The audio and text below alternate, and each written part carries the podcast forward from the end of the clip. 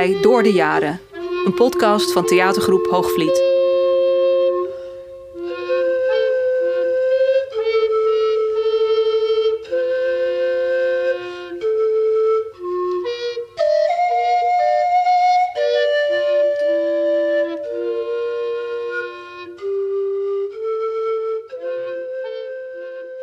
Ze zeggen dat de geschiedenis zich herhaalt.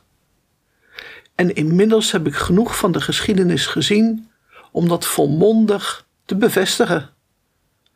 Alles gebeurt en daarna gebeurt het weer. Toen ik nog leefde, had ik dat niet door.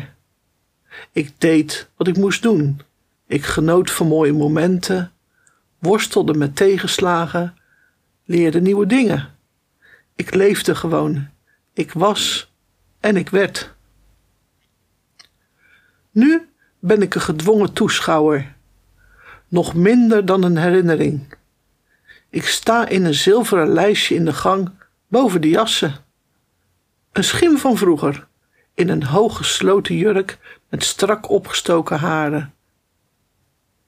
Ik kan me nog herinneren hoe schrikachtig ik de camera inkeek. Ik mocht niet bewegen, want dan zou het mislukken. Ik had nog nooit zoiets meegemaakt, dus ik vond het spannend. De knal, de geur. Nu maken ze elke dag honderden foto's met een stuk minder gedoe. Soms verbeeld ik me dat ik door die foto boven de jassen naar ze kijk. Maar in werkelijkheid heb ik een beter uitzicht. Hoe dat precies werkt, weet ik niet. Het lijkt bijna een film. Haarscherp beeld en loepzuiver geluid. Soms kan ik zelfs horen wat ze denken, al vind ik dat een beetje onprettig. Ook tegenover je voorouders heb je recht op privacy, toch? Ik kan niet kiezen wat ik zie of hoor, maar niets dat van belang is ontgaat mij. Soms stuur ik een droom of een vogel met een boodschap. Meer kan ik niet doen. De vogels worden meestal niet opgemerkt, maar de dromen hebben soms effect. Mooi om te zien hoe ze werken. Veel mensen denken dat ze niet dromen of dat ze hun dromen niet onthouden. Gelukkig is dat niet waar. Iedereen droomt en ook als je haar niet meer kunt navertellen, blijft je droom nog even bij je. Zo kan ik soms met ze praten, maar uiteindelijk moeten ze zelf hun keuzes maken. Met de beperkte kennis die ze hebben. En ze weten zo weinig. Soms betrap ik mezelf erop dat ik medelijden krijg, maar dan herinner ik me eraan dat dat juist de kern is van het leven. Je probeert het zo goed mogelijk te doen met wat je gegeven is. Zo deed ik het ook. Ja, dat zeg ik nu wel allemaal zo mooi, maar ik kan me de eerste keer nog herinneren dat er echt iets ergs gebeurde. Ik voelde het bijna aankomen. Soms hangt er gewoon iets in de lucht. Die avond was er onweer op komst. Opa Ronald was in de kroeg, zoals elke dinsdag. Hij ging dan biljarten met zijn vrienden. Na afloop dronken ze samen een biertje. Eentje, want hij moest de volgende dag weer vroeg op om in de haven te werken. Oma Ingrid zat bij de kachel een sjaal te breien voor Rogier, die op dat moment ongeveer zes jaar oud was.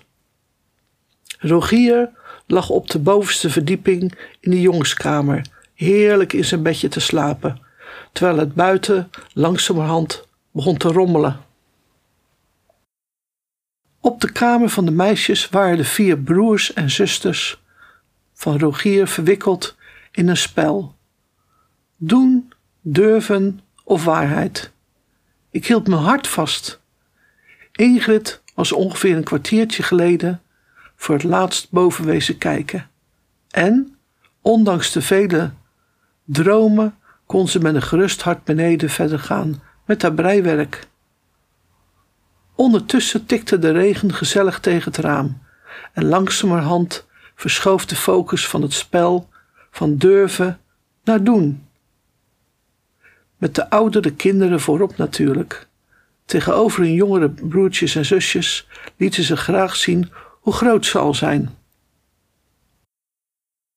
Op enig moment, en hier vreesde ik voor, komt het doosje lucifers van Ronald tevoorschijn, dat bij een eerder durven uit zijn nachtkastje was gehaald. Natuurlijk durft Lisbeth er één af te steken. Ze kan hem tenslotte elk moment weer uitmaken, en ze is de oudste en de verstandigste. Toch gaat het mis. De kinderen rennen angstig naar beneden om het vuur te ontvluchten dat inmiddels om zich heen grijpt. In alle consternatie vergeten ze Rogier. Die heeft het inmiddels op een krijsje gezet. Ingrid is alleen met de kinderen en Ronald komt pas over een uur uit de kroeg. Wat een timing! Ze draagt Lisbeth op om haar broertjes en zusjes naar buiten te brengen. Daarna de huishoudpot en de foto's. Zelf slaat Ingrid een theedoek om haar gezicht en gaat ze dapper de trap op. Kleine Rogier mag niet achterblijven. Gelukkig is het vuur nog niet naar de jongenskamer verspreid. Wel is er overal rook. Vraag niet hoe, maar ze weet hem veilig beneden te krijgen. Ik slaak een zucht van verlichting. Als Ronald thuiskomt, treft hij de brandweer aan. Geholpen door de regen die inmiddels met bakken uit de hemel komt, was het vuur snel geblust. Zijn vrouw en kinderen waren bij de buren, waar hij even later ook zijn toevlucht vindt. Buurvrouw Louise heeft iedereen in warme dekens gewikkeld en thee gezet, met voor de volwassenen een glaasje rum. Voor de schrik. Lisbeth kreeg huisarrest. De oudste moet de verstandigste zijn, aldus Ronald. En dat was in dit geval behoorlijk mislukt. Dat had Lisbeth zelf ook in de gaten. Gelukkig was ze er zelf zo van geschrokken dat niemand bang hoefde te zijn dat er ooit nog eens met lucifers gespeeld zou worden. Het verhaal werd doorgegeven aan kinderen en kleinkinderen. Elke keer werd het spannender gemaakt.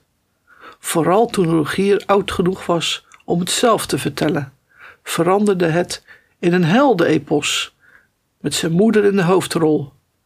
Maar altijd bleef de waarschuwing voor de vlammen en die verraderlijke houten stokjes intact. En zo kwam het dat deze geschiedenis zich niet herhaalde.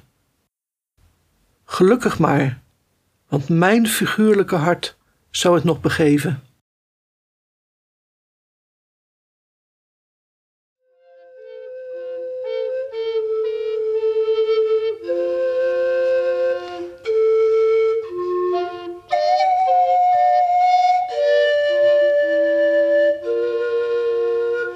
U heeft geluisterd naar Ariane Den Bakker. Deze podcast is een productie van Schaap op de Noordpool. Mede mogelijk gemaakt door Cultuur Concreet en Dok Hoogvliet.